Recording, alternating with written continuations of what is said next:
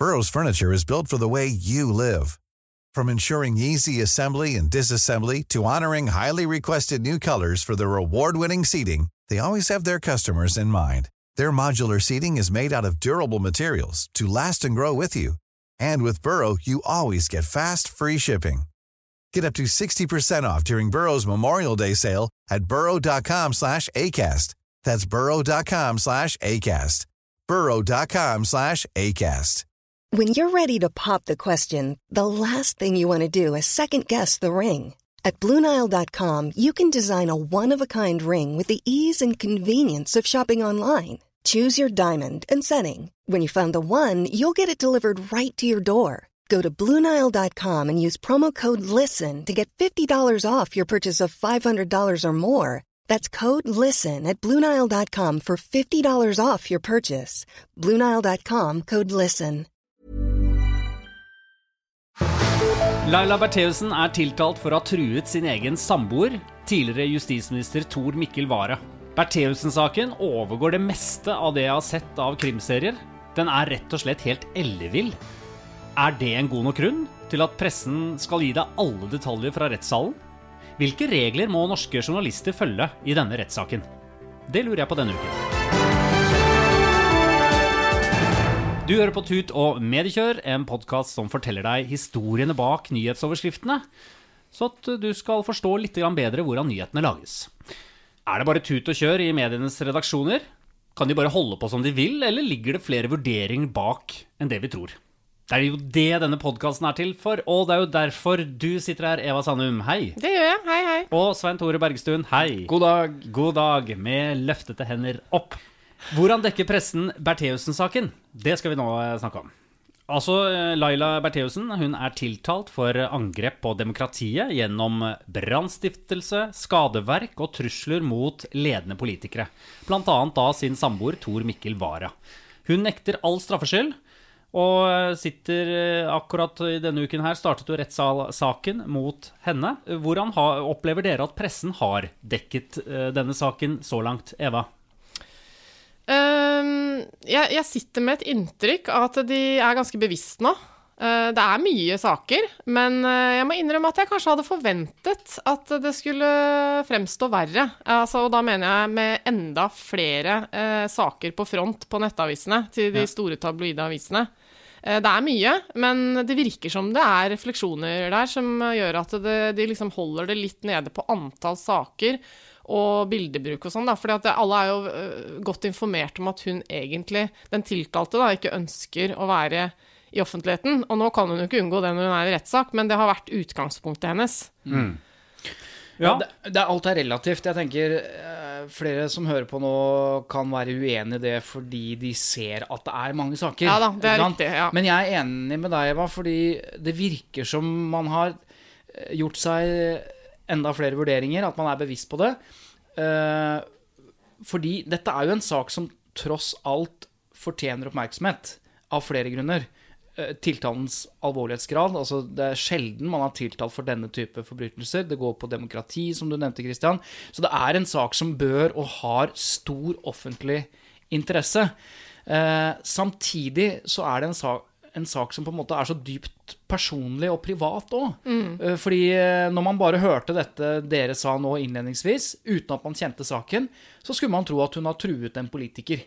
Poenget er at hun, har, hun er tiltalt for å ha iscenesatt. Mm. Hun har truet, men hun har jo forsøkt, hvis hun er, er skyldig eh, Det hun er tiltalt for, er at hun prøvde å legge skylda på andre. Spektakulært. Og så nå kommer det også fram detaljer i rettssaken som gjør at folk liksom lurer på er, det, er dette mulig, liksom. Hun skal ha tegnet et hakekors og skrevet rasist på familiens bil og brutt opp lokket til drivstopptanken på bilen og tent på en hyssing som var lagt ned i den. Mm. Altså, det er jo en, eh, en eh, liten krimserie her. Ja, og det, og, det som, og det, som, gjør det spesielt, er nettopp det at hun eh, skal ha da forsøkt å iscenesette dette, gjøre det, og farlig. Og det har jo faktisk brent, og det har jo faktisk vært hærverk og, og sånn, men, men, men i, den, i, i håp om at andre fikk skylda for det, da. Eh, det er det hun er tiltalt for. Så det er veldig spesielt. Det er jo spesielt på den måten at, eh, som har blitt sagt, hvis noen hadde kommet med et manus til en krimserie til TV med dette som plott, så hadde det bare blitt avslått som for usannsynlig. Ikke sant? Hele Ja. setupen er så utrolig spesiell, da, med daværende justisminister eh, i fokus. Ja, det er jo eh, liksom på toppen av det hele at, at når, når PST, politis, Politiets sikkerhetstjeneste, eh, forstår og mener at det er hun eh, som står bak, så må jo de eh, arrestere henne, sikte henne. Eh, deres sjef formelt sett er mannen hennes, altså justisministeren. Derfor må han gå av og bla, bla. Så det er jo, det er jo noen ingredienser her som er eh, Ja, som gjør at, at krimekspertene sier at dette har de aldri opplevd, selv om de strengt tatt sier Det Det har jeg hørt før på Ja, det sier du vel eh, foran hver krimpod. ja. Eh, Men du, jeg har masse spørsmål til Ja. denne saken, så jeg gleder meg til å høre. Blant annet så, eh, så leser jeg jo ofte at journalistene har skrevet sånn PST har ingen bevis, og da lurer jeg på selvfølgelig hvordan, eh, hvorfor i all verden hun står der og er tiltalt for noe som helst. Men, det, men eh, aller først, bare for å få det helt klart. Hvilke regler må journalistene følge når de faktisk skal dekke denne saken? Hva er liksom basic der? Ja, hva mener du med regler? Altså Ja, hva, har de lov til å, hva har de lov til inni der? Hva har de lov til å formidle? Hva har de ikke lov til å formidle? fra rettssalen? Ja. Ja. Ja, altså, eh, dette er i utgangspunktet enkelt. Eh, fordi at eh, alle rettssaker er åpne. Altså, i utgangspunktet. Det betyr at alle kan dra dit, være der, og da får de vite alt. Og, det, og dette er kanskje ikke folk helt klar over, fordi vi ser jo, vi som seere og lyttere, vi ser jo stort sett rettssakene gjennom mediene. Og mediene eh, sitter jo der. Så det vi kanskje ikke helt er klar over, er at vi kan, som publikum, kan få vite nøyaktig de samme detaljene, enda flere detaljer enn det mediene formidler, ved å være der. Når alt er åpent, så blir jo vurderingen til pressen hva er det som er etisk riktig å videreformidle i offentligheten. Men du, altså akkurat eh, det spørsmålet her, da, hva journalistene har lov til sånn, jeg tenkte faktisk ikke at dere skulle svare på det. Å nei. Nei, for jeg, jeg har jo snakket med en advokat. Ja, det var det jeg lurte på. Da Men du stilte håper jeg at vi har svart Så riktig, da. jeg var ikke så interessert i det dere sa der, egentlig. Så da kan vi jo høre hva faktisk en advokat sier. Ja, Ja. det Ja, så hvorfor spurte du oss, da? Det var litt sånn lurespørsmål, så vi bare se hva dere gjorde. Men dere gikk jo rett på, dere. Dere Hvem har du hvem har du snakke snakket med? Vi har snakket med, med Marius Oskar Didriksson. Han er fast forsvarer for Oslo tingrett og Borge, Borgarting lag, lagmannsrett. Og så leder han eh, forsvarergruppen i Advokatforeningen. Ja. Så da spurte jeg han hva har journalistene lov å gjøre i en rettssak og i en rettssal. Rettssaker i Norge de går for eh, åpne dører. Det betyr at enhver kan eh, komme inn og høre på hva som der finner sted. Og da vil man høre og se alt som blir fremlagt eh, av informasjon. Nå er det sjelden at folk flest benytter seg av den rettigheten, og folk flest er jo gjerne representert av pressen, av journalistene. Det er de som møter, og det er de som refererer. Og de har da i prinsippet anledning til å referere alt som finner sted derifra. Men altså referere og gjengi. Eh, Direkteoverføringer er noe som krever særskilt tillatelse. Det er ikke lov. Ja, dette her var altså Marius Oskar Didriksson. eh, Da hadde vi fast- nesten, nesten rett, da. Han- Hadde ikke Ja, det? jo, det var jo bra, bra gjettet, var- dere to. Svein. Tore og Eva. Kjempebra gjettet. Flaks. Um, han er altså eh, leder for forsvarergruppen i advok Advokatforeningen. Og så spurte han også om um, hva pressen ikke kan gjøre i en rettssak eller i en rettssal. Akkurat som vanlige folk kan gjengi hva som finner sted. Dette har vært nysgjerrig og gått og besøkt en rettssal i dag. Så kan man gjengi den over middagsbordet hjemme. Det samme kan journalister altså gjengi. Eh, Men dette er altså noe annet enn liveoverføring av bilde eller lyd. Eh, Det er eh, ikke tillatt, verken av vanlige folk eller av, pressen som representerer vanlige folk. Det er ikke lov, med mindre man har innhentet særskilt tillatelse for det. Eh, Det må da retten i det enkelte tilfellet godkjenne. Marius Oskar Didriksson, eh, advokat altså. Så eh, pressen har jo på en måte lov til å gjengi alt fra en rettssak, rettssal. Referere fra. referere fra, ikke sant? Ja, for det er forskjell på å referere fra og gjengi fra og det å filme, overføre og ta bilder. ikke sant? Det er noe annet. Ja. Men alle detaljer som ikke retten har bestemt at man ikke skal eh, referere, som, eh, som advokaten her nevnte, disse unntakene, eh, kan man jo gjengi. Og da er det jo plutselig ikke nødvendigvis eh, reglene det står på, da er det etikken det står på. Ja, fordi, og etikken er jo noe som eh, journalistene selv eh, lager, og selv forholder seg Altså gjennom Vær varsom-plakaten. Ja, fordi vi i utgangspunktet, hvis alt er åpent og greit å referere fra, så må jo de etisk vurdere hva er det som er innafor, da, og viderebringe til offentligheten. Og hva er innafor? Hva sier presseetikken da? Ja. Eva Sandum, mester i presseetikk. Eh, den helt overordna regelen i Vær varsom-plakaten er jo at du skal legge vekt på saklighet og omtanke. Men Både det er jo i- veldig vagt. Ja, det er et veldig sånn overordna punkt. Men eh, det gjelder både innholdet og hvordan du presenterer innholdet. Så hvis du går inn på fronten av en nettavis, så skal du jo oppleve at det presenteres med saklighet og omtanke. Og det er greit å huske på. Omtanke er kanskje ikke det første ordet som slår en når man ser frontene på, på Nei, nettavisene. ikke sant. Så det er liksom Ja. Men det er et men ta et eksempel i Bertheussen-saken, da. Uh, som vi kaller det Det er ikke sikkert vi skal kalle det Bertheussen-saken, og det skal vi forklare hvorfor etterpå. Men da påtalemyndigheten la fram alle disse tekstmeldingene og meldingene og detaljene og kranglene mellom Vara og Bertheussen og veldig sånn private forhold eh, Det mente jo noen at kanskje ikke var så relevant for tiltalen. Og da har jo, som vi hører på advokaten, og når vi vet hva som er lov, det er jo lov da å referere all, alle de detaljene som påtalemyndigheten presenterer i rettssaken. Men etikken og den redaksjonelle vurderingen trenger jo ikke være at du skal spy ut alle detaljer selv om påtalemyndigheten legger fram. Og da vet vi at noen redaksjoner gjorde andre vurderinger. Altså man la ikke fram alle detaljene og alle ordene som ble skrevet i disse tekstmeldingene, fordi de mente rent presseetisk at det skulle Hva var det du sa, Eva? Det skal, det skal være saklig. Altså det skal være relevant. skal knytt- presenteres med omtanke. ja, og kanskje nettopp pga. den vurderingen da, er å vise omtanke for privatpersonen Laila Bertheussen som står tiltalt, og ikke bare referere alt som politiet sier. Det er jo en, et eksempel på en, en vurdering man gjør, da. Ja, og så skal det jo ta hensyn til hvordan omtale av kriminalsaker kan virke på ofre og på pårørende. Så, og vise hensyn til uh, overfor mennesker i sorg og ubalanse. Så det er flere ting her sant, som kan touche inn på tematikken. da. Og der er vi jo også, syns jeg, interessant, fordi det man ser nå, øh, hvis man følger øh, liksom sosiale medier, eh, som jo på en måte går helt bananas i denne rettssaken, fordi det er så mye rart som skjer, alt fra veska til Bertheussen, som hadde printet ut en e-post e og limt på og sånn. Og så er det jo da mennesker, eh, også altså politikere, offentlige personer som deltar i samfunnsdebatten til vanlig, som nå stiller spørsmålstegn om hvorvidt hun er eh, ved sine fulle fem, da, for å bruke et folkelig begrep, eller frisk. Og den type spekulasjoner eller fjerndiagnosering, det er jo også litt sånn eh, man, Ja. Eh, Jeg blir veldig usikker på hva jeg syns om det. Eller det vil si, jeg er ikke usikker på hva jeg syns om det. Jeg syns ikke noe særlig om det. Men, men det er jo også en vurdering som pressen må gjøre, da. De må jo vurdere liksom Men de kan jo ikke forholde seg til det. Det er jo bare et rykte. og Eventuelt at hun er syk, og derfor Nettopp. kunne man kanskje ikke ha omtalt eller, eller sørge for at hun var beskyttet mot seg selv. Nettopp. Pressen kan ikke forholde seg til den type rykter. Men, men det, på samme måte som rettskommentatorene eh, kan si sånn hun, eh, Troverdigheten hennes fikk en alvorlig, alvorlig knekk. Eller at noen sier at hun fremstår sånn og sånn. Hun fremstår sånn og sånn. Så er jo en tolkning av hennes fremt, altså, fremtoning. Og hvis hun skulle vise seg at hun var eh, Kall det ustabil eller usikker og, og plutselig begynte å gråte, det gjør hun jo ikke. Hun fremstår veldig trygg, visstnok, for de som ser henne.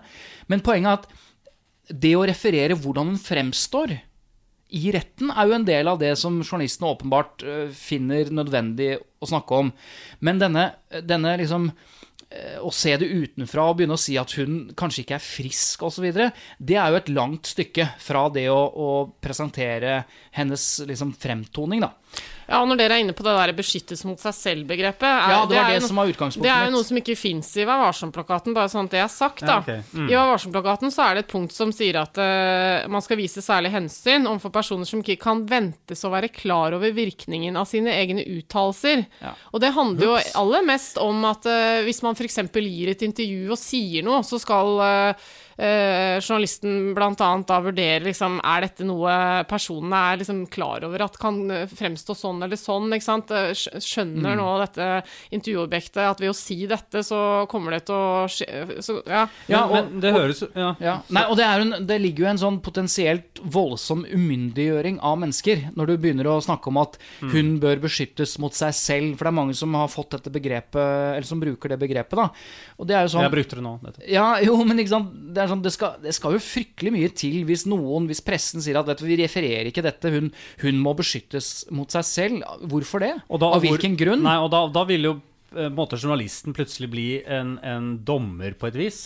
For det, det skal jo foregå i en rettssal. Ja, det kan du si, for det er jo litt med- interessant. Det har ikke vært snakket så mye om, eh, som jeg har fått med meg, men eh, dersom det var en tiltalt som man, eh, man mistenkte at jeg håper å si, måtte beskyttes mot seg selv, da, Ja, så ville det jo være snakk om eh, å bli kjent utilregnelig før eh, rettsforhandlingene starta. For det er jo et eh, spørsmål som i så fall må avklares i forkant. Og det er det jo ikke her. Her har vi jo en normalt eh, holdt å si, oppegående tiltalt som står og skal svare for seg i retten. Ja. Så sånn sett så må jo pressen ta utgangspunkt i det. Ja, og en annen ting er at eh, på samme måte som du er sjukmeldt og ikke kom på jobb, så kan du bli sjukmeldt og ikke kunne eh, stille i retten. Altså hvis du er sjuk, enten du har knekt beinet, eller du er, eh, har feber, eller, eh, eller du er psykisk i ubalanse eller ustabil. Og legen har vurdert eller- at du ikke Ja, tåler en rettsforhandling, På samme måte eksempel, da, som kanskje. eh, da Trond Giske nå, Herregud, det, har, vi snakke, har vi noen gang hatt en episode ja, uten at vi snakker om Er det Sofie-saken Ja. som kommer nå? Poenget, poenget er at uh, det medietrykket han ble utsatt for, uh, var jo åpenbart uh, eh, noe av grunnen til at han ble sjukmeldt. Ikke sant? Han ble sjukmeldt fra jobben når han sto midt oppi dette. Så, eh, og man kan også bli sjukmeldt og ikke da møte i retten. Poenget mitt er Man kan egentlig- også bli sjukmeldt fordi det passer seg for saken. Man ville vel tro at dersom, eh, dersom tiltalte Laila Bertheussen eh, i dette tilfellet ble sykemeldt eh, før rettssaken, så ville den blitt utsatt. Den ville jo ikke gått Nei, nei. uten hennes medvirkning. Nei, poenget mitt er bare at påstandene påstanden om hennes mentale tilstand og sykdom eventuelt, eller Ja, ustabilitet og det sier du nå fordi at det opplever du at blir eh, Ja, fremmet i sosiale Jeg leser det medier. hele tiden. Men ikke i redigerte medier, så vidt jeg har fått med meg. Nei, Nettopp. og da mener jeg de tradisjonelle mediene som vi kjenner til. Ja, for Altså, de må jo ha en grunn til å løfte medier. det. Ja. De sitter jo der og ser et menneske, eller pressen som er til stede, det er jo hovedsakelig pressen som er til stede. Ja. De vurderer jo dette ut fra hvordan hun igjen fremstår, og hun blir jo beskrevet eh, som trygg og selvsikker. Eh, og, og forklarer seg sammenhengende, og det er ingen grunn til å stille spørsmål ved det. Men folk utenfor på sosiale medier fråtser i det. Ja, det, det har jeg fått med meg. Men, eh, bare for å uh, fortsette på det du egentlig spurte Om meg om, da. etikken som Ja, for at, har. eh, I forhold til det du sier nå, Svein Tore, så er det jo også et punkt i Vær varsom-plakaten som, uh, som anmoder om å gjøre det klart hva som er faktiske opplysninger, og hva som er kommentar. For det også er jo sånn, ikke sant, når kommentatorer sitter under rettssaken og, og følger med, så skriver de en kommentar etterpå, så, så har jo de kanskje litt større frihet til å liksom tegne opp hvordan hun fremstår, forklare litt eh, Noe som på en måte hjelper oss i å vurdere hva slags type den tiltalte er, da. Jo, for For det er du- kommentarer, ikke sant? Ja, for tenk deg, hvis du, hvis du bare leser nyhetsdekningen og løpende dekningen med informasjon og detaljer om hva som blir sagt og ikke sagt, og hva som kommer fram i retten, uten at du får satt det i en eller annen form for sammenheng, da. Og når du da ikke er til stede i rettssaken, så må du på en måte tolke alt ut fra bare faktaopplysninger. Eh, mens rettskommentatorene, de som skal prøve å forklare hva som skjer, de kan nettopp hjelpe de som ikke er til stede i rettssaken, med å forstå saken på en bedre måte, da, og ikke bare referere detaljer. Men, men de har jo veldig ofte en sånn eh, overskrift som sånn Hun ble satt på plass av aktor. Eh, altså, ja. som, som leder i en retning av at uh, nå er hun på vei mot å bli dømt. Ja, altså, Men det- det, sånn gjør de. Ja. Det gjør de hele Ja. tiden. fordi hvis du bare leser uh, fakt, hva aktor sier, og hva hun sier i sin forklaring, så er det vanskelig å få et inntrykk Eller da må du gjøre deg opp en en mening selv, da. Ja. Her har hun trøbbel, Tenk ser det, det, ut til. Mens rettskommentatorene kan fortelle oss det. Deres mening. For det er viktig å huske på at når du, når du leser kommentarer i avisene, så er det én persons mening. om hva som skjedde, og om hun eh, da, som du sier, eh, fikk problemer eller, eh, eller svarte dårlig for seg. kommenterer jo, de kuraterer jo det som skjer, på en måte. Ja. Ja. Men, men jeg lurer på, er, er du ferdig med Nei, ja, absolutt ikke. Det er masse Nei? mer etikk. Dere Ja, prater så fælt, ja. Få høre mer. Hva Nei, må journalistene forholde seg til ifølge Vær varsom-plakaten? Ja, De skal jo også være varsomme med bruk av begreper som kan virke stigmatiserende. Eh, ikke sant? Så de skal ikke legge inn veldig eh, ladede ord, eller ord som da har konnotasjoner, Ja, Herlig. som vi snakket herlig. om i forrige uke. det eh, I, I negativ retning, f.eks. Men det som er interessant, er at de skal ikke fremheve personlige og private forhold når dette er saken uvedkommende. Og det er sånn typisk punkt som kan være sånn vanskelig i en sak som Hvis, dette. fordi at det blir en vurdering. Hva er saken? Hva er relevant for saken og Ja, ikke? og, og når politiet eller påtalemyndigheten legger fram helt private meldinger Mm. som ikke ser ut til å ha noe med tiltalen, så gjør de det, for de skal bygge en sak. ikke sant? Det er en De skal- rekke indisier, på en måte. Ja. Ja. Mens pressen må jo presseetisk kunne forsvare at dette er saken vedkommende.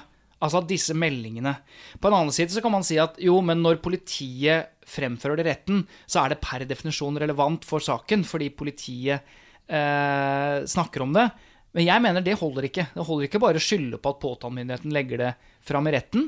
Hvis du skal referere det, så må du gjøre det i en sammenheng, og du må, det, og du må kunne for, forklare det publisistisk eller redaksjonelt. Ja, og da, da vil jeg bare understreke at uh, nå snakker vi om etikk, og dette er vurderinger på detaljnivå som er litt vanskelig. Og det er ikke sånn at alle redaktører vil være enig i detaljnivået her, ikke sant? hva som er innafor og hva som er utafor. Jeg har f.eks.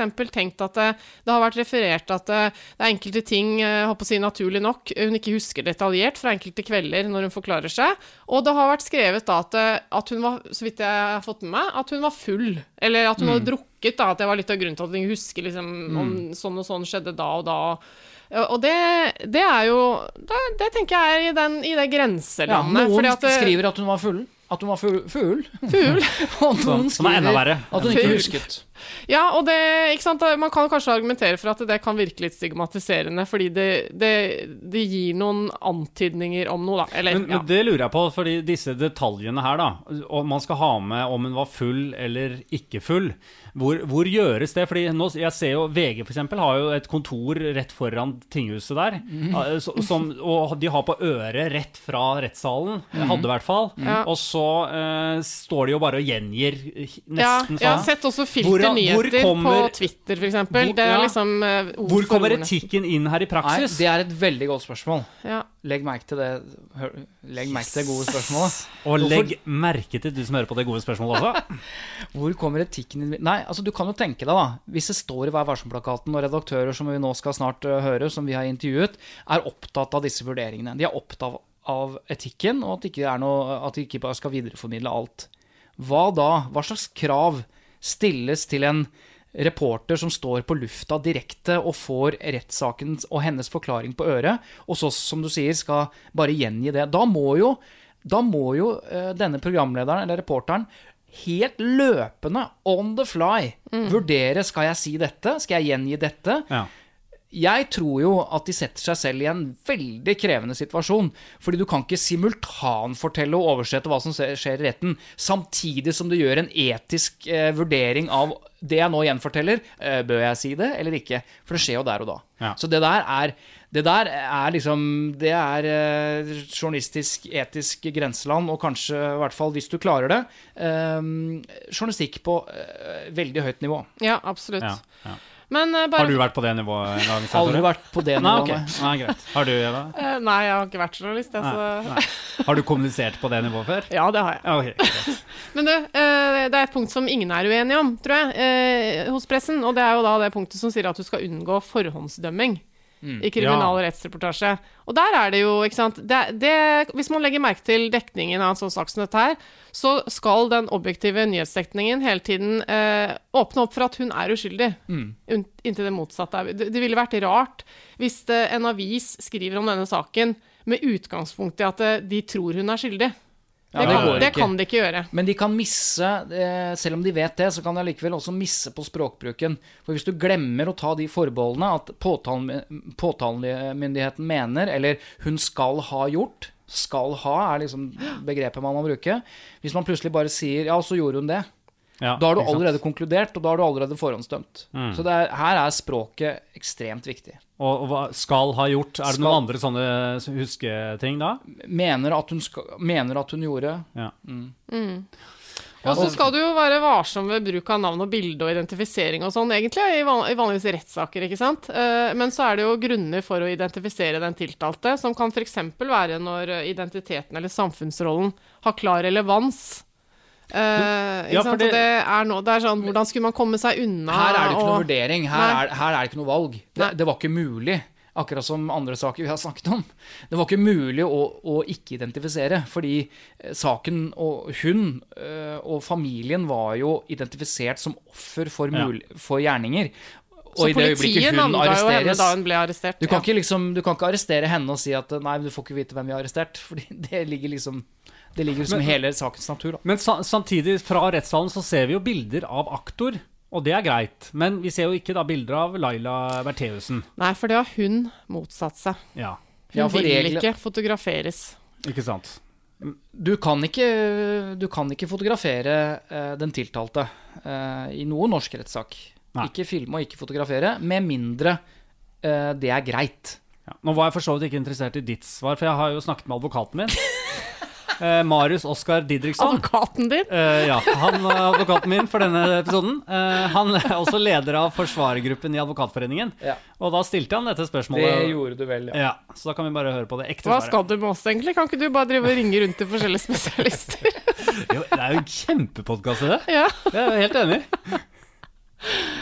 Her er altså Marius Oskar Didriksson som svarer på hvorfor er det sånn at vi kan se bilder av aktor, men ikke bilder av Laila Bertheussen. Jeg kan ikke uttale meg om eh, Bertheussen-saken, den kjenner jeg ikke. Men på generelt grunnlag kan jeg eh, svare det altså slik at den siktede, den tiltalte, eh, er det ikke lov til å fotografere, verken i retten eller utenpå tinghustrappen til eller fra tinghuset mens saken pågår. Eh, med mindre vedkommende selv samtykker. Alle andre aktører kan derimot fritt fotograferes. Som f.eks. aktor, forsvarer, rettsbetjent, kan fotograferes eh, i henhold til domstollovens regler, men altså ikke den eh, tiltalte. Men mens det er pauser i retten, så er det jo lov. Da kan man jo filme i vei. Eh, og Det er derfor man gjerne ser eh, film av dommeren eh, under nyhetssendingen idet dommeren kommer inn i salen, men ikke når vedkommende sitter og retten er satt. For da er det ikke tillatt å filme. Men igjen, altså, med mindre det er gitt særskilt tillatelse til det. Men er det ikke noe særskilt tillatelse som er innhentet, så er det de alminnelige reglene som gjelder. og Da er det ikke lov til å filme eller ta opptak mens retten er satt. Marius Oskar Didriksson, advokat Uh, ja, du har sagt mange ganger hvor han Ja, er det er sant. Jeg er helt enig. Helt Tenk å enig. gjenta. Jeg ble så lei meg selv akkurat, faktisk. Så takk, Eva. Okay. Men uh, dette har sikkert uh, du som hører på allerede tenkt uh, selv allerede. Men det er jo altså grunnen til at vi ser tegninger av den tiltalte Ja. i avisene hele tiden. For det er lov. Hver, har jo, hver avis har jo da å si, ansatt sin egen tegner. Da, da høres det ut som du var fornøyd med den ene tegneren, men ikke den andre. Ja, jo, men det er jo veldig stor forskjell på de Faktisk rettstegnerne. Faktisk så la jeg merke til det nå at eh, Å ja, på Dagbladet så var det litt sånn eh, litt annen stil. Litt sånn, Det minner meg om sånn storyboard-tegninger fra, fra filmproduksjon. Mens på VG er det Så har jeg tenkt at eh, den tegneren gjør ikke tiltalte en eh, tjeneste. Kommer ikke tiltalte til gode? Nei, kommer ikke Nei, gode. og da til gode. jeg, når du først da har satt ned forbud, eller liksom Det skal ikke tas bilde av meg. Ja. Og så er, og så er konsekvensen av det at du får tegninger som er lite flatterende. Da Kanskje det hadde vært bedre å bare sagt at det var greit med bildet, da? eller? Men, han- men det er han- klart at uh, på grunn av at hun har nektet dette, som jeg vil si ut fra hennes perspektiv var smart, så blir jo ikke hennes ansikt så kjent. Nei. Så la oss si da at hun skulle gå fri og ikke bli dømt etter denne saken, og skal gå rundt i, i Norges gater etterpå, så vil ikke hun være like gjenkjennelig. Nei, og det, Så og det det er er, jo- et kjempepoeng. Og, det er jo, og, og vi er jo ikke hennes rådgivere, men det er klart at eh, det er smart. Hvis Ja, du ikke har lyst det. til at denne Uansett om den blir kjent skyldig eller frikjent. Og det å ikke ha trynet ditt i avisen eh, hver eneste dag. Og de bruker bare dette ene bildet, og det er også det bildet hun selv brukte, som hun også hadde på den veska, hvis jeg ikke tar helt feil. Nei, jeg tror ikke det var noe bilde der. Jo, hun, Jo. hun brukte ja. et portrett som Ja. sto der som representant Ja. for henne, da. ja, sånn, ja. uh, og det er det jo også veldig strid om, det bildet. Fordi det er jo et bilde som er privat, eh, og som mediene har brukt, og som nå krangler om eh, opphavsretten til Ja. betaling for og det hele tatt. Ja, Men ok. For det er rappa fra Facebooken eller noe Ja, sånt? i det er, det er et privat bilde. Ja. Men Ja. Hey, I'm Ryan Reynolds. At Mint Mobile, we like to do the opposite of what Big Wireless does. They charge you a lot, we charge you a little. So naturally, when they announced they'd be raising their prices due to inflation, we decided to deflate our prices due to not hating you. That's right. We're cutting the price of Mint Unlimited from $30 a month to just $15 a month. Give it a try at mintmobile.com slash switch. $45 upfront for three months plus taxes and fees. Promote rate for new customers for limited time. Unlimited more than 40 gigabytes per month. Slows. Full terms at mintmobile.com. Hiring for your small business? If you're not looking for professionals on LinkedIn, you're looking in the wrong place. That's like looking for your car keys in a fish tank. LinkedIn helps you hire professionals you can't find anywhere else, even those who aren't actively searching for a new job but might be open to the perfect role. In a given month, over 70% of LinkedIn users don't even visit other leading job sites. So start looking in the right place. With LinkedIn, you can hire professionals like a professional. Post your free job on linkedin.com/people slash people today. ja, men jeg kom på noe. Ok, Og det er at vi har eh, altså snakket med Vi har jo lurt på dette, hvordan de vurderer Hvordan pressen vurderer dekningen mm. eh, av, eh, av disse sakene, og hvilke vurderinger de har gjort i forkant. Så vi har jo da snakket med to redaktører. Eh, den ene er Per Arne Kalbakk, som er etikkredaktør i NRK. Eh, og vi spurte han eh, hvilke vurderinger de har gjort i forkant av denne rettssaken, bl.a. når det gjelder sånn som vi har snakket om, detaljnivået. Noe av det må vi jo gjøre løpende underveis. Dette er en sak som skal vare i ti uker, og vi vet jo ikke hva som, eh, hva som kommer. Men i utgangspunktet prøver vi å holde oss til det som er relevant for eh, de detaljene som er relevant for straffesaken. Det er jo en veldig offentlig sak. Det handler om trusler og hærverk mot to statsråder og en stortingsrepresentant. Men så er det jo også en dyp privatsak, fordi den tiltalte er samboer med den hovedfornærmede. Det kommer fram en del eh, ting fra eh, deres privatliv eh, som vi må gjøre en nøye vurdering av, og hvor det er mange detaljer vi ikke omtaler. På onsdag for eksempel, så, kom, så brukte jo påtalemyndigheten mye tid på nettopp private detaljer, samtaler, krangler, meldinger, som virket, i hvert fall for utenforstående, ganske lite relevant for den man er tiltalt for. Hvor, hvilke vurderinger gjorde dere da? Det vi gjorde, var at vi ikke refererte noen detaljer fra hva skal vi si, det som var litt sånn kjekling, krangling mellom eh, samboerparet Vara Bertheussen. Men det som var relevant, var at hun ville legge ut et innlegg på Facebook som bl.a. var veldig kritisk til statsministerens kontor om håndteringen av denne, denne trusselsaken og anmeldelsene. Eh, Og det vi valgte å referere, var det som var eh, relevant, mente vi. At han var uenig, oppfordret henne til å ikke legge ut, og at hun endra innlegget før hun la det ut. Og det er et innlegg som er offentlig publisert. Jeg skjønner, det er, det er bra å høre, for det, de tar jo virkelig rollen som eh, etiske journalister veldig seriøst. Samtidig også sitter jeg også litt og tenker at eh, journalistene driver jo her på en måte og tolker virkeligheten for meg.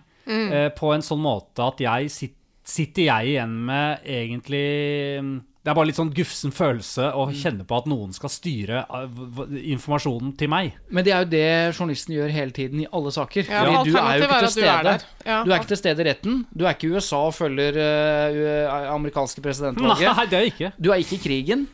Nei. Nei, så, du, så det betyr at med det utgangspunktet at du ikke vil at noen skal tolke eller vi, Det er umulig. Det er det som er pressens oppgave. Men Jeg må bare roe meg det. Ja, du, må, du må leve med det. Ja, jeg må leve med det. Og være glad for at du får informasjon, men vi kan være kritisk til måten du gjør det på. Ja, og så det, det som er litt interessant, er jo at man kan liksom se for seg at når det, om, når det er en rettssak, da, så kunne ytterste eh, det, det andre ytterpunktet kunne være at eh, ok, da har vi en rettssak. Da venter vi til vi hører hva de har bestemt. Og så rapporterer pressen. Skyldig eller ikke skyldig. Ferdig med det. Mens det som skjer nå, er jo liksom at vi blir tatt med som litt Ja. sånn meddommere. Vi får så mye informasjon underveis at vi hele tiden sitter og vurderer. Det blir litt underholdning, på en måte, fordi at vi får lov å leke rettssal. Ja, vi Skjønner gjør jo opp vår Ja. egen vurdering. Ettersom vi- Er hun skyldig, er hun ikke skyldig? Ja, vi hører på alt som hun sier, og vi hører på hva Akto sier. Altså, og så er vi, altså når, vi er, eh, når vi leser i mediene, så vurderer vi skyldspørsmålet løpende. Ut ifra hva de forteller oss. Og det er litt sånn Jeg syns det, det er litt trøblete på et vis. Men samtidig det er en helt nødvendig konsekvens av at pressen er til stede, må være til stede i de åpne rettssakene for nettopp å kunne, la oss si, kontrollere makta. Da. Absolutt, Det det er en av de tre statsmaktene. Ja. ikke sant? Dette er den dømmende. Eh, eller for så vidt også Ja, den dømmende.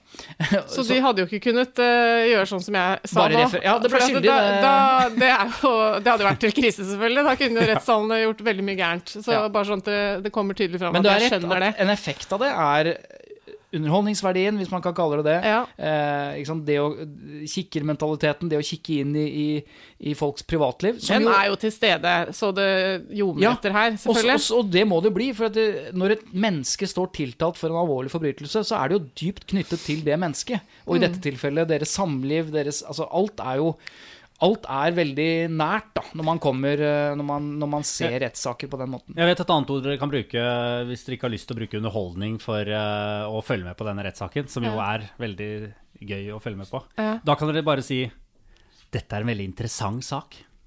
Ja, det er bedre ord, Ja. selvfølgelig, for da får du ikke underholdningsaspektet. Nei, da slipper du det, men da kan du liksom lure litt unna, da. For Ja. det er jo likevel veldig underholdende. Men som har offentlighetens interesse. Og så har vi noen ganger spurt er er det det samme som offentlighetens nysgjerrighet. Mm. Men i denne sammenhengen her så er det ikke noe tvil om at den har offentlighetens interesse. Ikke sant? Hvordan Nei, det går det har med en person som potensielt, da, hvis det stemmer, iscenesetter eh, trusler mot, eh, Mot justisministeren Ja. den gangen da. Det som er litt morsomt med at eh, Per Arne Kalbakk sa Hva er det han kalte Vara eh, og Bertheussen? ikke sant? Er, hun er tiltalt, og han er for, ja, og fornærmede. Og fornærmede, ja. Og det som er litt eh, holdt å si, søtt, er jo at fornærmede sitter jo da bak hovedtiltalte, støttende, i rettssalen.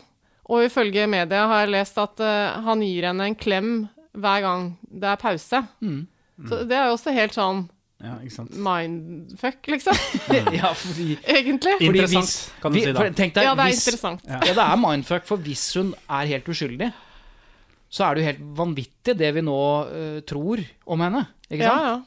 Hvis hun er skyldig, så er det jo også rart. Da, da orker jeg nesten ikke tenke på hans uh, verden akkurat nå. Nei, nei. Så det, det, de Og går der ikke begynner vi å snakke om noe annet enn dekningen, kjenner jeg. Men det Ja. er eh, så Nei, Vi er vanlige mennesker, vi òg. Ja.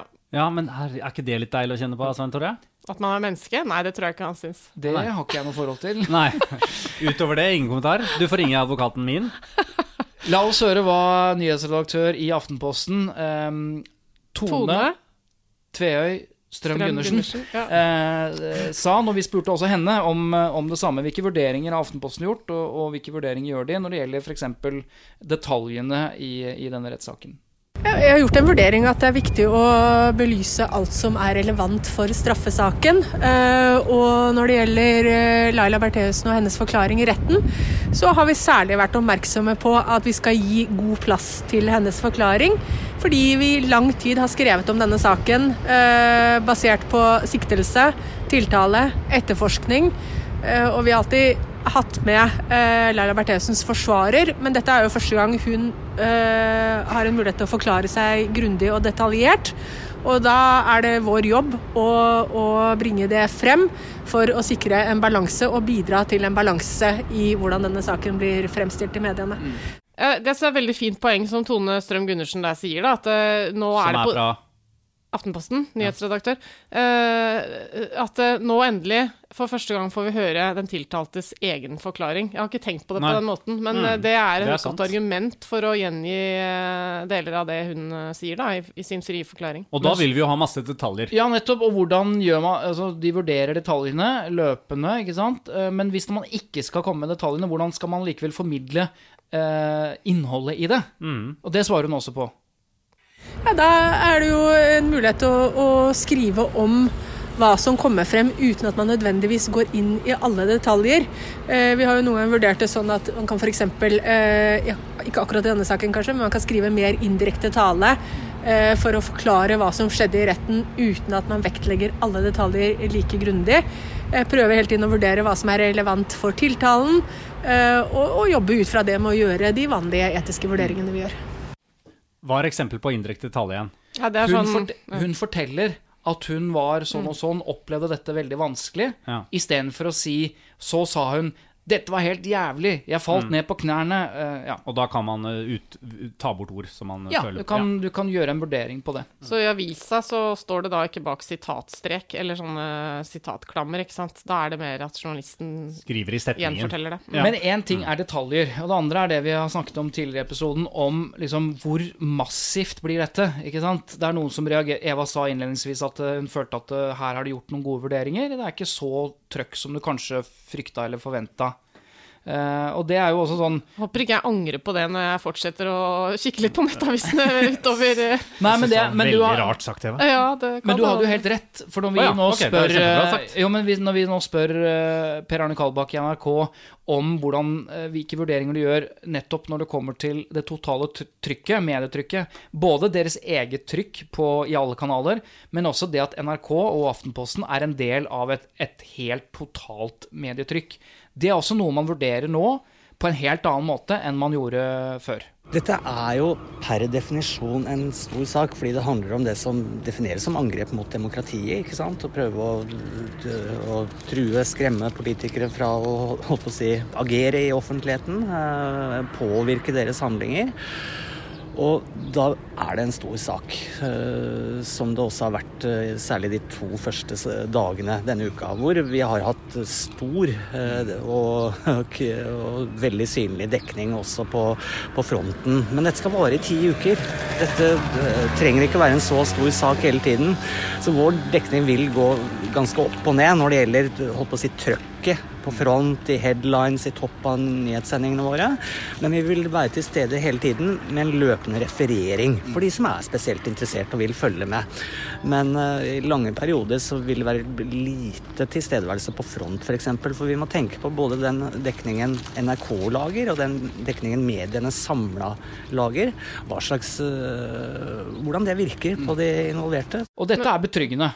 Vi spurte jo Tone i Aftenposten også om det. Ja, og, og da eh, vil jeg at lytterne skal legge merke til hva hun sier. For det hun sier nå, det har jeg aldri hørt en redaktør si. Ikke jeg heller. Oi. Jeg har jo ikke hørt noen ting. jeg. Nei. Det blir jo ekstra spennende for meg, da. Jo, eh, vi har jobbet ganske mye med det i forkant før vi begynte med den eh, rettssaken, og, og gått opp en god del eh, etiske vurderinger. En av dem har vært at vi skal være varsomme med hvordan vi omtaler saken. At vi f.eks.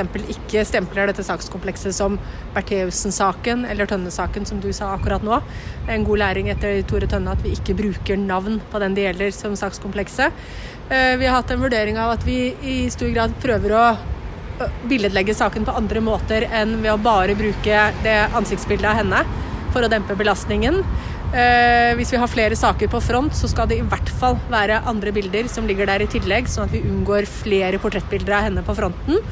Og, så, og det er vår egen vurdering av det. Og så i tillegg så må vi følge med på det generelle medietrykket og, og vurdere, hvis trykket er så stort i andre medier, om vi demper oss noe på Aftenposten pleier uansett ikke å ha veldig mange forskjellige innganger på Aftenposten som vi jobber eh, på et sakskompleks, så, så det er ikke så vanskelig. Men, men vi, jeg tenker at vi har en jobb å gjøre med å både følge med på andre og gjøre de vurderingene selv, da, ved å dempe det. Være også varsomme med bruk av navn på fronten hele tiden. Finne ulike innganger på hvordan vi forklarer dette, denne saken.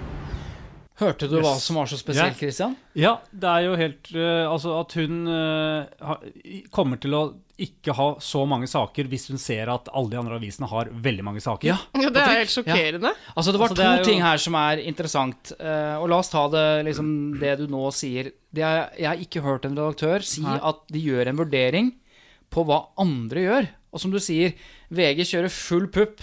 Dagbladet likeså. Og da tenker Aftenposten nå holder det. Nå demper vi oss fordi de andre er så aktive. Det er sjokkerende, for godt fordi til å være sant. ja. Altså, det tror jeg nesten ikke på. Nei, for Er det, mulig? det er Sier du nå at du ikke den tror på det Tone sier? Fordi alle, vi vet jo at alle er i konkurranse om å tilfredsstille leserne sine, på en måte. Så det er rart av den grunnen.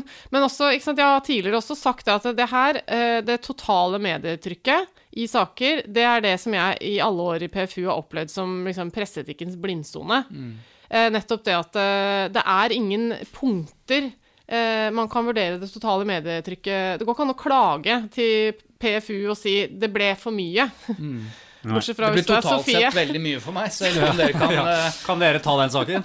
Eh, Så, så det er eh, Nei. interessant, altså, hvis noen virkelig mener på alvor at de skal gjøre en vurdering og dempe sin egen dekning av noe Ja, og, med det, det, som og det er det hun sier. Hun sier det helt konkret. Mm. Og da gjør hun nettopp det mange har etterlyst, som man har sagt ja, men det kan ikke vi ta på vår kappe. Fordi alle andre er jo en slags ikke sant? Alle andre gjør det, så skal vi bare Ja, dempe oss, da? fleste sier noe litt sånn politisk korrekt om det. Ja, de fleste det er er sånn Det er forståelig, det er et problem som vi alle må ha i bakhodet, ish. Men eh, de sier aldri sånn at vi faktisk nedskalerer Nei. vår egen Så dekning. det, dette syns jeg var kjempeinteressant. Og så får jo lytterne følge med da, eh, på om Aftenposten gjør det. Men hørte du det andre? Hun ga, Ja. deg, hun ga deg en smekk. Ja, vet du hva? Jeg tenkte på det. For jeg startet denne episoden med å si uh, Bertheussen-saken. Altså, jeg, har- jeg har jo brukt det hittil. Ja. Men det vil jo ikke Aftenposten gjøre. Nei. Nei, og det er litt av samme grunn som vi snakket om med det med bildet. ikke sant? Hvis vært øh, Altså, hvis hun nå går fri til slutt, Mm. så vil jo hennes liv bli noe helt annet i ettertid.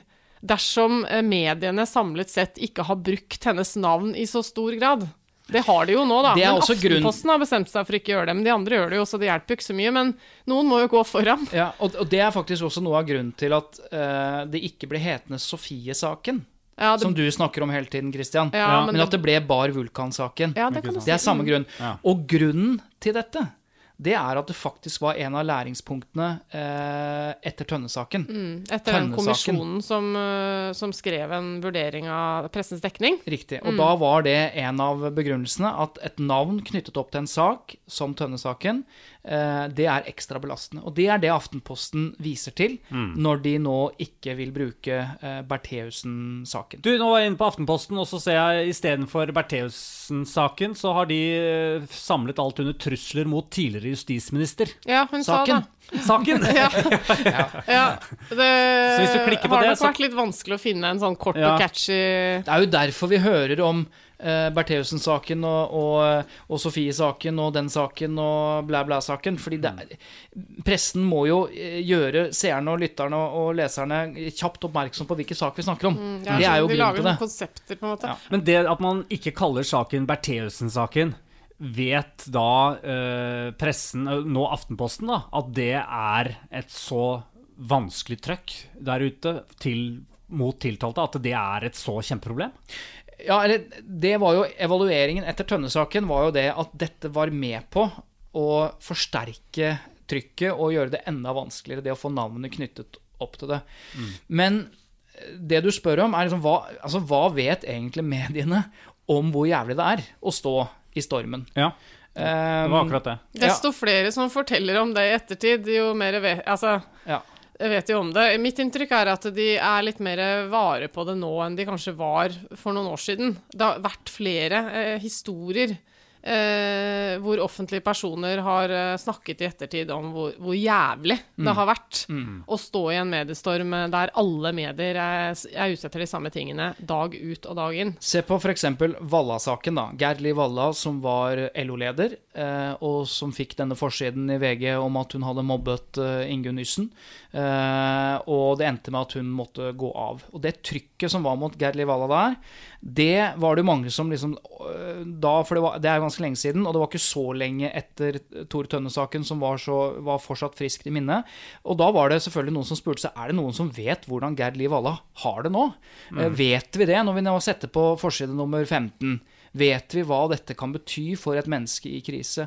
Og dette har da ledet til eh, en, at, at flere redaksjoner oppretter såkalte bakkanaler. Altså, Ok. Det, de, det de rett og slett gjør, er at de forsøker å finne ut av nettopp det. Hvordan har de det nå? Altså, hvordan, hvor, Hva er tilstanden, på en måte? Hvor, hvor, hvor vanskelig er det? For Eh, i Petter Northug-saken, da, så må de ha stilt seg spørsmålet Står vi i fare nå for å ødelegge fyren? At han Ja. går så langt ned at, han, at det liksom går ordentlig gærent? Det spørsmålet har de nok stilt seg. Så jeg spurte Kalbakk Ja. i NRK helt til slutt om, om nettopp det. Altså, hva, hva gjør de av, av undersøkelser? Hva slags type bakkanaler eventuelt oppretter de eh, i denne type saker? I denne typen saker prøver vi alltid å holde en kontakt med folk som står den det gjelder eh, nær, eh, privat eller profesjonelt. Også for å få en tilbakemelding på eh, er det noe ved dekningen som vi burde tenke på. Eh, er, det, eh, er det sånn at omfanget nå oppleves som, som veldig stort? Så det, det, gjør vi her, som vi alltid gjør i denne typen store saker som pågår, pågår over tid. Og så har vi også ukentlige evalueringsmøter hos oss, hvor vi også ser på bl.a. den totale dekningen. Spennende. Mm. Så det er jo betryggende, da, Christian, at uh, her foregår det jo veldig mye mer enn det kanskje uh, Det er absolutt. Interessant. Dette visste jeg ikke. Det gjorde de nok mm. sikkert under Trond Giske-saken. Det gjorde de. Og, og det, jeg husker jeg tenkte veldig på det da justisminister, altså, eks-justisministeren Tor Mikkel Wara selv uh, sto mm. i dette her i begynnelsen, før rettssaken og alt, når det bare ble kjent og, og, at hans samboer var midt i søkelyset her. Det må jo mm. ha vært og da var det jo kjent, da ble det jo, da ble det informert i offentligheten om at han hadde noen nære kollegaer og venner som var mm. hans støttespillere. Som ble ofte, kontaktpunktet til mediene. Ja, nettopp, for det er jo ofte eh, folka rundt man snakker med. Man snakker jo ikke med hovedpersonen. Men, og det er et men her. For det er klart at de som har jobbet lenge i mediene og har vært journalister i mange år og har dekket mange av denne type alvorlige saker, de vet jo også av erfaring at dette kan bli brukt andre veien. Mm. Ikke sant? At noen som kanskje ikke er helt nær, men venner, sier at er dere klar over nå at dere driver et menneske utfor stupet? Er du klar over at dette mennesket kan risikere å ta sitt eget liv hvis dere ikke mm. eh, demper dere? Og det er klart at det kan jo også være en motivasjon fra den andre siden. Det ja. å komme med den type eh, skal vi si, trusler, da. Eh, mediene må også vurdere det. Mm. Er dette rett og slett sagt rett og slett for at vi ikke skal skrive om det, eh, eller er det helt berettiget? Det er jo en kjempevanskelig vurdering. Ja, ja, ja, veldig. Mm. Du, En annen ting som jeg har når jeg leser om eh, Vi skal straks videre, altså. Men eh, det var bare dette med at jeg leser jo i avisene ofte, føler jeg, at det står noe sånt som at PST ikke har enkeltstående bevis i saken. Mm. Og, så, og så, stusser jeg litt da, for da lurer jeg på ja, men hvorfor i all verden er hun da tiltalt hvis de ikke har noe bevis? Ja, hvordan tør de å Hvordan tør de? Hvordan tør PST å ta henne da mm. inn i dette sirkuset? Ja. Uh, unnskyld, rettsstaten Norge. For det de har, er en, en indisierekke? Ja, altså, så, da, så altså, da, lurer jeg på litt sånn uh, Hva er et bevis? Ja. Hvordan, og hvordan omtaler journalistene det? Og Dette er jo en av de, de store mytene knyttet til retts, uh, rettssaker og dekning av rettssaker. Det er at det blir skapt et inntrykk av at bevis, det er tekniske bevis. Altså Det er liksom uh, eh, DNA, og det er sånne helt Jeg spurte advokaten min, jeg. Ja. Marius Oskar Didriksen. Så kan vi ikke bare høre på han, da? Ja, vi, nå burde jeg ha lært at du stiller ikke spørsmål for å få svar. Du nei, nei. stiller litt for å drite ut, rett og slett. Ja, og han her er jo faktisk advokat uh, og holder på med dette til vanlig. Så han kan vel kanskje svare på det. Hva regnes som et bevis i rettssaken? Uh, igjen, jeg kan ikke uttale meg om Bertheussen-saken. Den uh, kjenner jeg ikke. Men på generelt grunnlag så er det altså slik at alt som fremlegges for en norsk domstol, og som fremføres for dommeren, vil være å anse som bevis. Det vi kanskje mest tenker på som bevis, er såkalt direkte bevis. Og det er et bevis som umiddelbart reder til et bevisresultat. En såkalt smoking gun, eller et fingeravtrykk på et på et parti med narkotika. Eh, alt som direkte forteller oss at vedkommende som er tiltalt, eh, har gjort det han er tiltalt for, nemlig at befatning med narkotika eller skutt med det aktuelle våpenet. Eh, men man kan også ha andre typer bevis, såkalte indisiebevis, indirekte bevis, som ikke umiddelbart leder til det resultatet, men som samlet sett gir en konklusjon i den ene eller andre retningen. Det er såkalte indisiebevis. Men det vanlige Eh, med bevis så tenker man kanskje på direkte bevis, men alt er jo som bevis. og Loven skiller ikke mellom disse to. Eh, loven krever kun at det skal fremlegges bevis som gjør at retten til slutt blir sikker på bevisresultatet for å dømme. Er retten sikker på at tiltalte er skyldig, skal den domfølge. Er retten ikke sikker, skal den frifinne. Og Her er det av underordnet betydning om det forefinnes såkalte direkte bevis eller indirekte bevis. Det avgjørende er rettens endelige beviskonklusjon. For deg som eventuelt ikke har giddet å følge med på detaljene i Laila Bertheussen-saken, så er det vel sånn at det, det finnes en rekke bevis fra aktoratet eh, som samlet sett sannsynliggjør, ifølge dem, da, ja. at det er hun som står bak. Men det er ingen konkrete eh, tekniske bevis. Det er ikke noe hånd... Ikke det er ikke noe DNA, nei, fingeravtrykk. Eh, sånn, så, sånn, sånn, det er sånn det fremstår nå. Men en indisierekke, det kan jo liksom Ett indisie kan være sånn Å, det beviser ingenting. Nei, men vi har det, og så har vi det. Ja, Ja. men det beviser fortsatt ingenting. Nei, men altså, vi har jo det, det, det i den rekken her. Ja. Og da er det sånn På det ja, Sannsynligheten sånn. for at hun da ikke har gjort det, er helt teoretisk. Ja. Og Ja. dermed så Det er det politiet håper på, da. Vi må videre til uh, ukens lytterspørsmål. Ja, det er det vi liker. Ja, fra Thomas uh, Audunhus. Ja, du kan ta bare Thomas, da. Hvorfor det? Hvorfor ikke? Kanskje det- folk liker å bare Hvis de sånn signerer med fullt navn, så må jo vi kunne si fullt navn. Dessuten så var Audunhus et fantastisk Det var det. ja, ja, ok, unnskyld, da. Nå Jeg syns jeg bare du rakket ned på Thomas sitt etternavn. jeg skulle bare være litt sånn Hei, Thomas. Hei, Thomas. Uh, han skriver Når burde en sosiale medier-konto som ikke er personlig, bli en del av eller ansett som en del av pressen? Ja. Å, det er et utrolig interessant Ja, men Men han skriver noe mer. Hvorfor stiller han Han spørsmål? utdyper. Han utdyper. Det er jo nå flere store kontoer som ikke er personlige, men som har flere visninger enn de fleste norske aviser på én dag. Disse kontoene følger nå ingen Vær varsom-plakat og tar ingen hensyn. Det, det foregår navngivning av mennesker som påstått skal ha gjort enten ulovlige eller etiske ikke-riktige handlinger, og det da uten faktasjekking, uten tilsvar og eller samtidig imøtegåelse. Dette må være en fast lytter av podkasten. Som kjenner til alle disse uttrykkene. Ja, Ja, nei, men Dette er et godt poeng, og det gjelder ikke bare sosiale medier-konti. Det gjelder også Ja. podkaster osv. Absolutt podkaster, for de aller største podkastene i landet er jo ikke fra noe mediehus. Nei. Nei. Og ha, ha, vi har jo flere eksempler på at det, det der er outa folk. Tusvik og Tønne, eksempel, Ja. som er var og er Jeg vet ikke om det er Norges største podkast. Ja, har i hvert fall vært det. Ja. De Tut og, tut og mediekjøp, eksempel? Ja, ikke helt der oppe ennå. Ja, men vi er følger, vi følger følger Vær varsom-plakaten. Jo. Men vi trenger ikke. Nei, Nei, trenger men vi gjør det. Nei, men vet du hva? Dette her er et veldig interessant spørsmål, fordi det, det indikerer jo at eh, det fins mange der ute som tenker at du, er ikke Vær varsom-plakaten bare et, et sett med regler som burde gjelde alle? Burde ikke Ja. være en del av norsk lov, som egentlig han spør ja. om. Og det er jo interessant, for det er det overhodet ikke. Altså, Varsom-plakaten er jo eh, en, eh, en eh, plakat med regler som pressen selv har laget for seg selv. Eh, Og det er interessant, for det er liksom det eneste pressen har å skilte med. Som skiller dem fra resten av informasjonsanarkiet der ute, da, som Internettet. har skapt, liksom. Eh, Så vi blir jo eksponert for både eh, de redigerte mediene, altså pressens produkter, mediene, og så blir vi eksponert for sosiale medier og blogger og podkaster herfra til evigheten. Og det som er problemet her, er jo at det er vanskelig for oss, vanlig publikum, å skille hvor er det jeg har hørt det, hvor er det jeg har hørt det. Ja. Men pressens poeng er jo at eh, ettersom vi følger Vær varsom-plakaten, så skal du kunne venne deg til oss når noe skjer, og der skal du få etterrettelig informasjon som er faktasjekket, og den, eh, den følger etikken, den tar hensyn til alle som blir anklaget for noe, de får svare for seg. Sånn, alt det som står i Varsom-plakaten, er liksom eh, reglene de har satt for seg selv for å være eh, Dette- etiske, ansvarlige medier, da. Men dette er liksom så underkommunisert. Ja, og det, dette er noe av grunnen til at vi lager denne podkasten igjen. Det å gjøre folk oppmerksom på at hvis du driver et redaktørstyrt medium, så er du forpliktet til å ikke bare viderebringe en påstand om at noen har gjort sånn og sånn eller eh, sånn og sånn.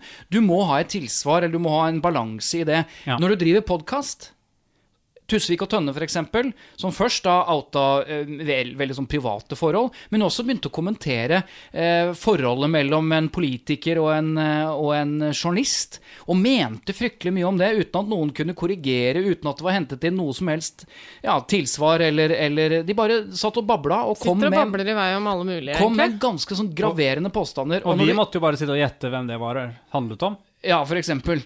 Og, og, og greiene her, da, det er at det eneste lovverket eller regelverket de da er liksom eh, bundet av, er jo no Norsk lov. Mm. straffeloven, eller injurielovgivningen, eller hva det måtte være. Og da må jo de som da blir snakket dritt om i den podkasten, de må jo da aktivt gå eventuelt til søksmål, da, injuriesøksmål. Og hvem er det som gjør det, liksom? Eh, sånn at det, det er litt sånn fritt fram, da. Ja. Eh, og det er det ikke for, eh, for, eh, hva for vanlige medier. Men hva skal til for å måtte forholde seg faktisk til den Vær varsom-plakaten, da? Ja, altså, du må være medlem av Norsk Presseforbund eller Redaktørforeningen da, for å være et For, for å, altså, å vedkjenne deg Vær varsom-plakaten. For å kunne bli klaget inn til Pressens faglige utvalg. Og nå denne uka her så var det jo et medie da, som heter Resett, som, eh, som søkte Dette høyreorienterte medienett, eller dette nettstedet som gjerne vil være Ja, Et som har nettsted. en redaktør som er en ganske kjent person i offentligheten, Helge Lurås. Mm. Eh, som har søkt om å få bli en del da av tidligere av Redaktørforeningen, og nå av Mediebedriftenes Landsforening. Og dette er for å komme inn i det gode selskap, kan du si, i pressen.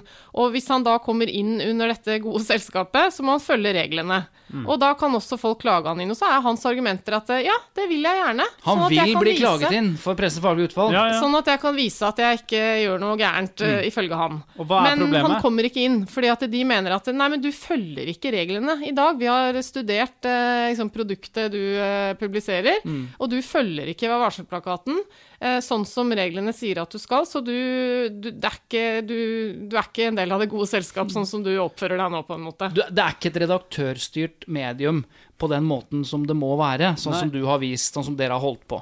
Og Det handler om beskyldninger om at de går etter personer og ja, det er Nå var dette en veldig forenklet fremstilling, da, men det er interessant. fordi at eh, man kan jo vel, med god grunn si hvorfor ikke bare få han inn under vingene? Sånn at vet han du, blir en del av den gode familien. Jeg syns det høres sånn helt merkelig ut at uh, de ikke skal få lov til å bli det. Altså, fordi du, du kan jo ikke si til alle som ikke er medlem av noe, si ja, men du kan ikke være medlem fordi du ikke oppfyller det når du Det å være medlem. Nei, du kan tror- jo ikke innle hvis, du er en, hvis du er en organisasjon da, som sier at det er menneskeretts, eh, menneskerettsorganisasjon, og så skal du inn i en eller annen slags forening for menneskerettighetsorganisasjoner, så viser det seg at du bryter menneskerettighetene hver eneste dag. Du kan ikke bli tatt opp i en forening hvor du ikke hører hjemme. Altså Hvis du bryter konsekvent presseetiske regler, så vil jo du komme Du ønsker jo å komme inn i den foreningen for å få et slags godkjentstempel på deg. For alle som er medlem i den foreningen, De har logoen tilsier at de følger presseetikken. Og hvis både Redaktørforeningen har gjort vurderinger, og Mediebedriftens Landsforening har gjort vurderinger om at dette nettstedet er ikke i nærheten av å følge disse reglene, skal de da si eh, men du må gjerne være medlem.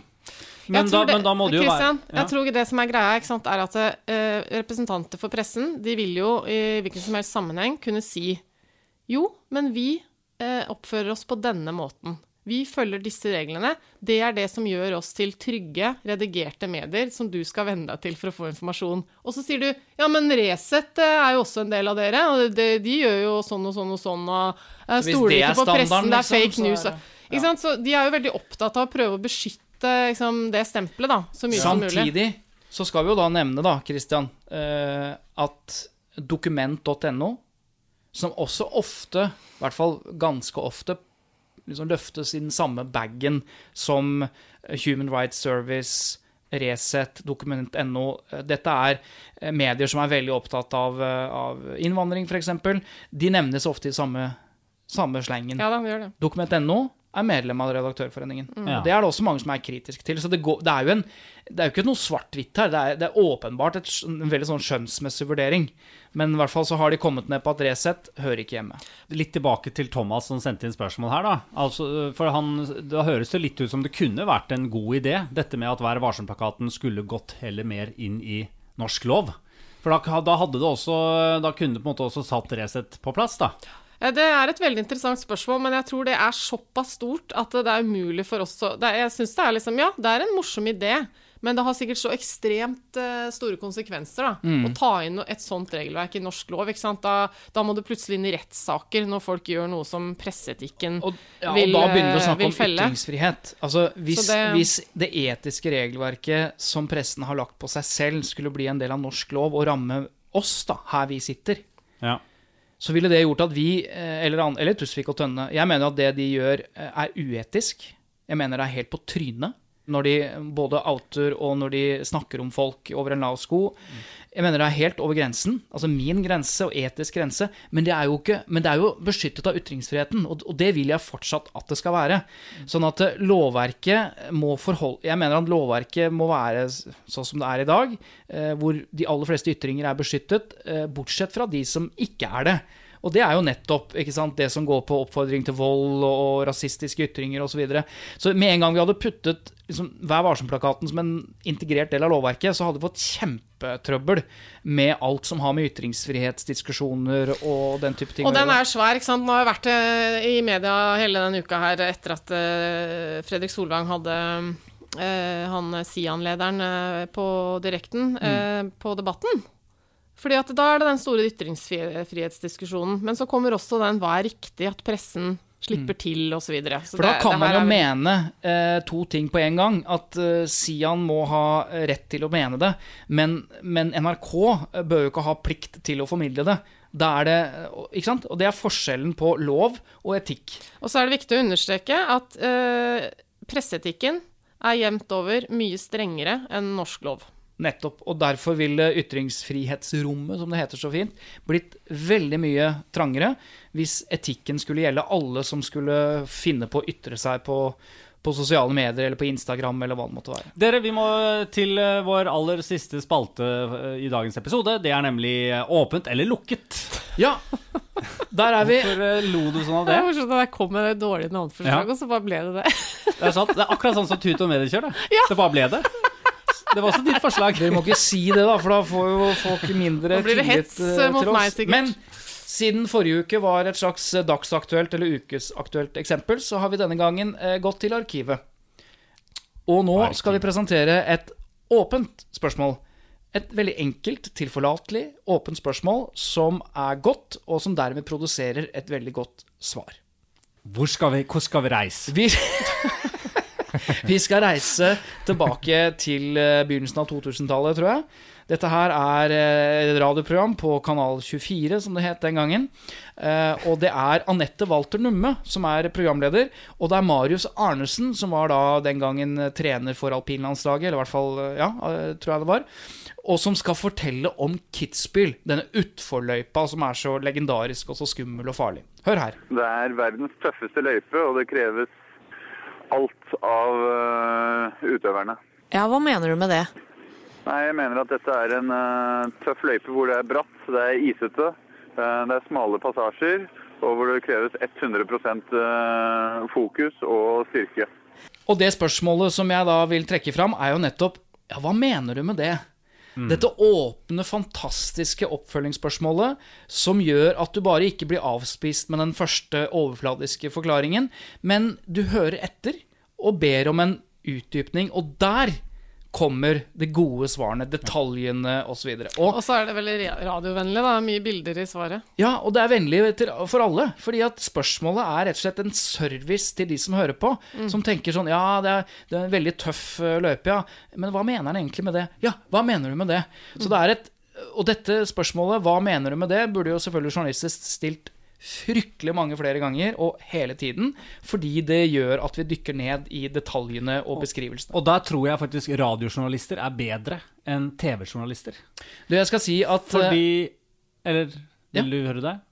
Ja, du må gjerne begrunne det, så skal Ja, jeg fordi at uh, Fordi eh, radiojournalister må jo selvfølgelig tenke på disse konkrete detaljene, for det er det som er, som du sa, Eva, radiobilder. Mm. Og da, det, er, eh, det er lett å glemme når man har te de visuelle bildene hele tiden foran seg. Og en som bekreftet akkurat det de sier, du sier nå, er en, en prisbelønt eh, journalist fra USA som heter Ken Armstrong. Han var på Scoop, Stiftelsen for kritisk og undersøkende presse, som vi har snakket om før, denne konferansen hvor de flotter seg. Ja, men hør nå!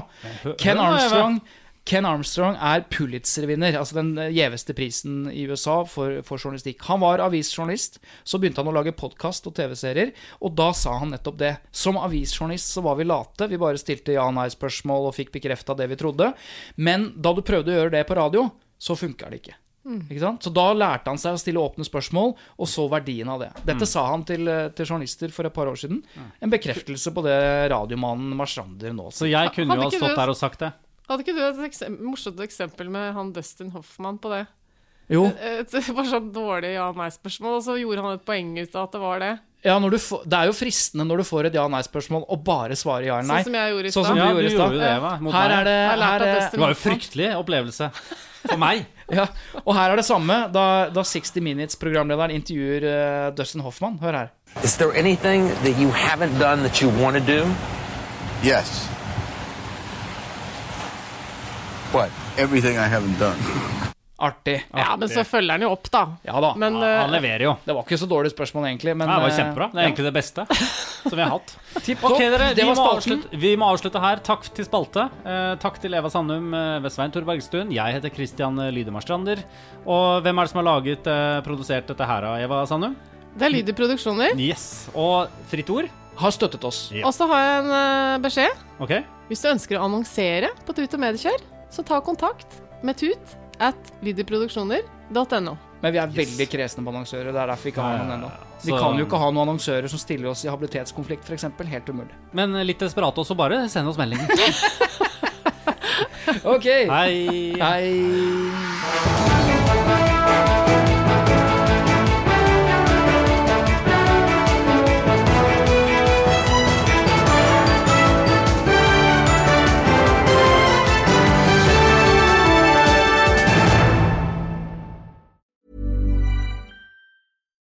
Here's a cool fact a crocodile can't stick out its tongue.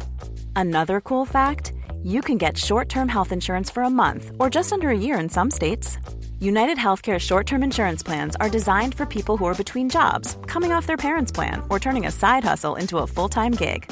Underwritten by Golden Rule Insurance Company, they offer flexible, budget friendly coverage with access to a nationwide network of doctors and hospitals. Get more cool facts about United Healthcare short term plans at uh1.com. When you make decisions for your company, you look for the no brainers. And if you have a lot of mailing to do, stamps.com is the ultimate no brainer. It streamlines your processes to make your business more efficient, which makes you less busy. Mail checks, invoices, legal documents, and everything you need to keep your business running with stamps.com. Seamlessly connect with every major marketplace and shopping cart. Schedule package pickups and see your cheapest and fastest shipping options from different carriers with rates up to 89% off USPS and UPS rates. And with the Stamps.com mobile app, you can take care of mailing and shipping wherever you are. Make the same no-brainer decision as over 1 million other businesses with Stamps.com. Sign up with Code PROGRAM for a four-week trial, plus free postage and a free digital scale. No long-term commitments or contracts. That's Stamps.com. Code PROGRAM.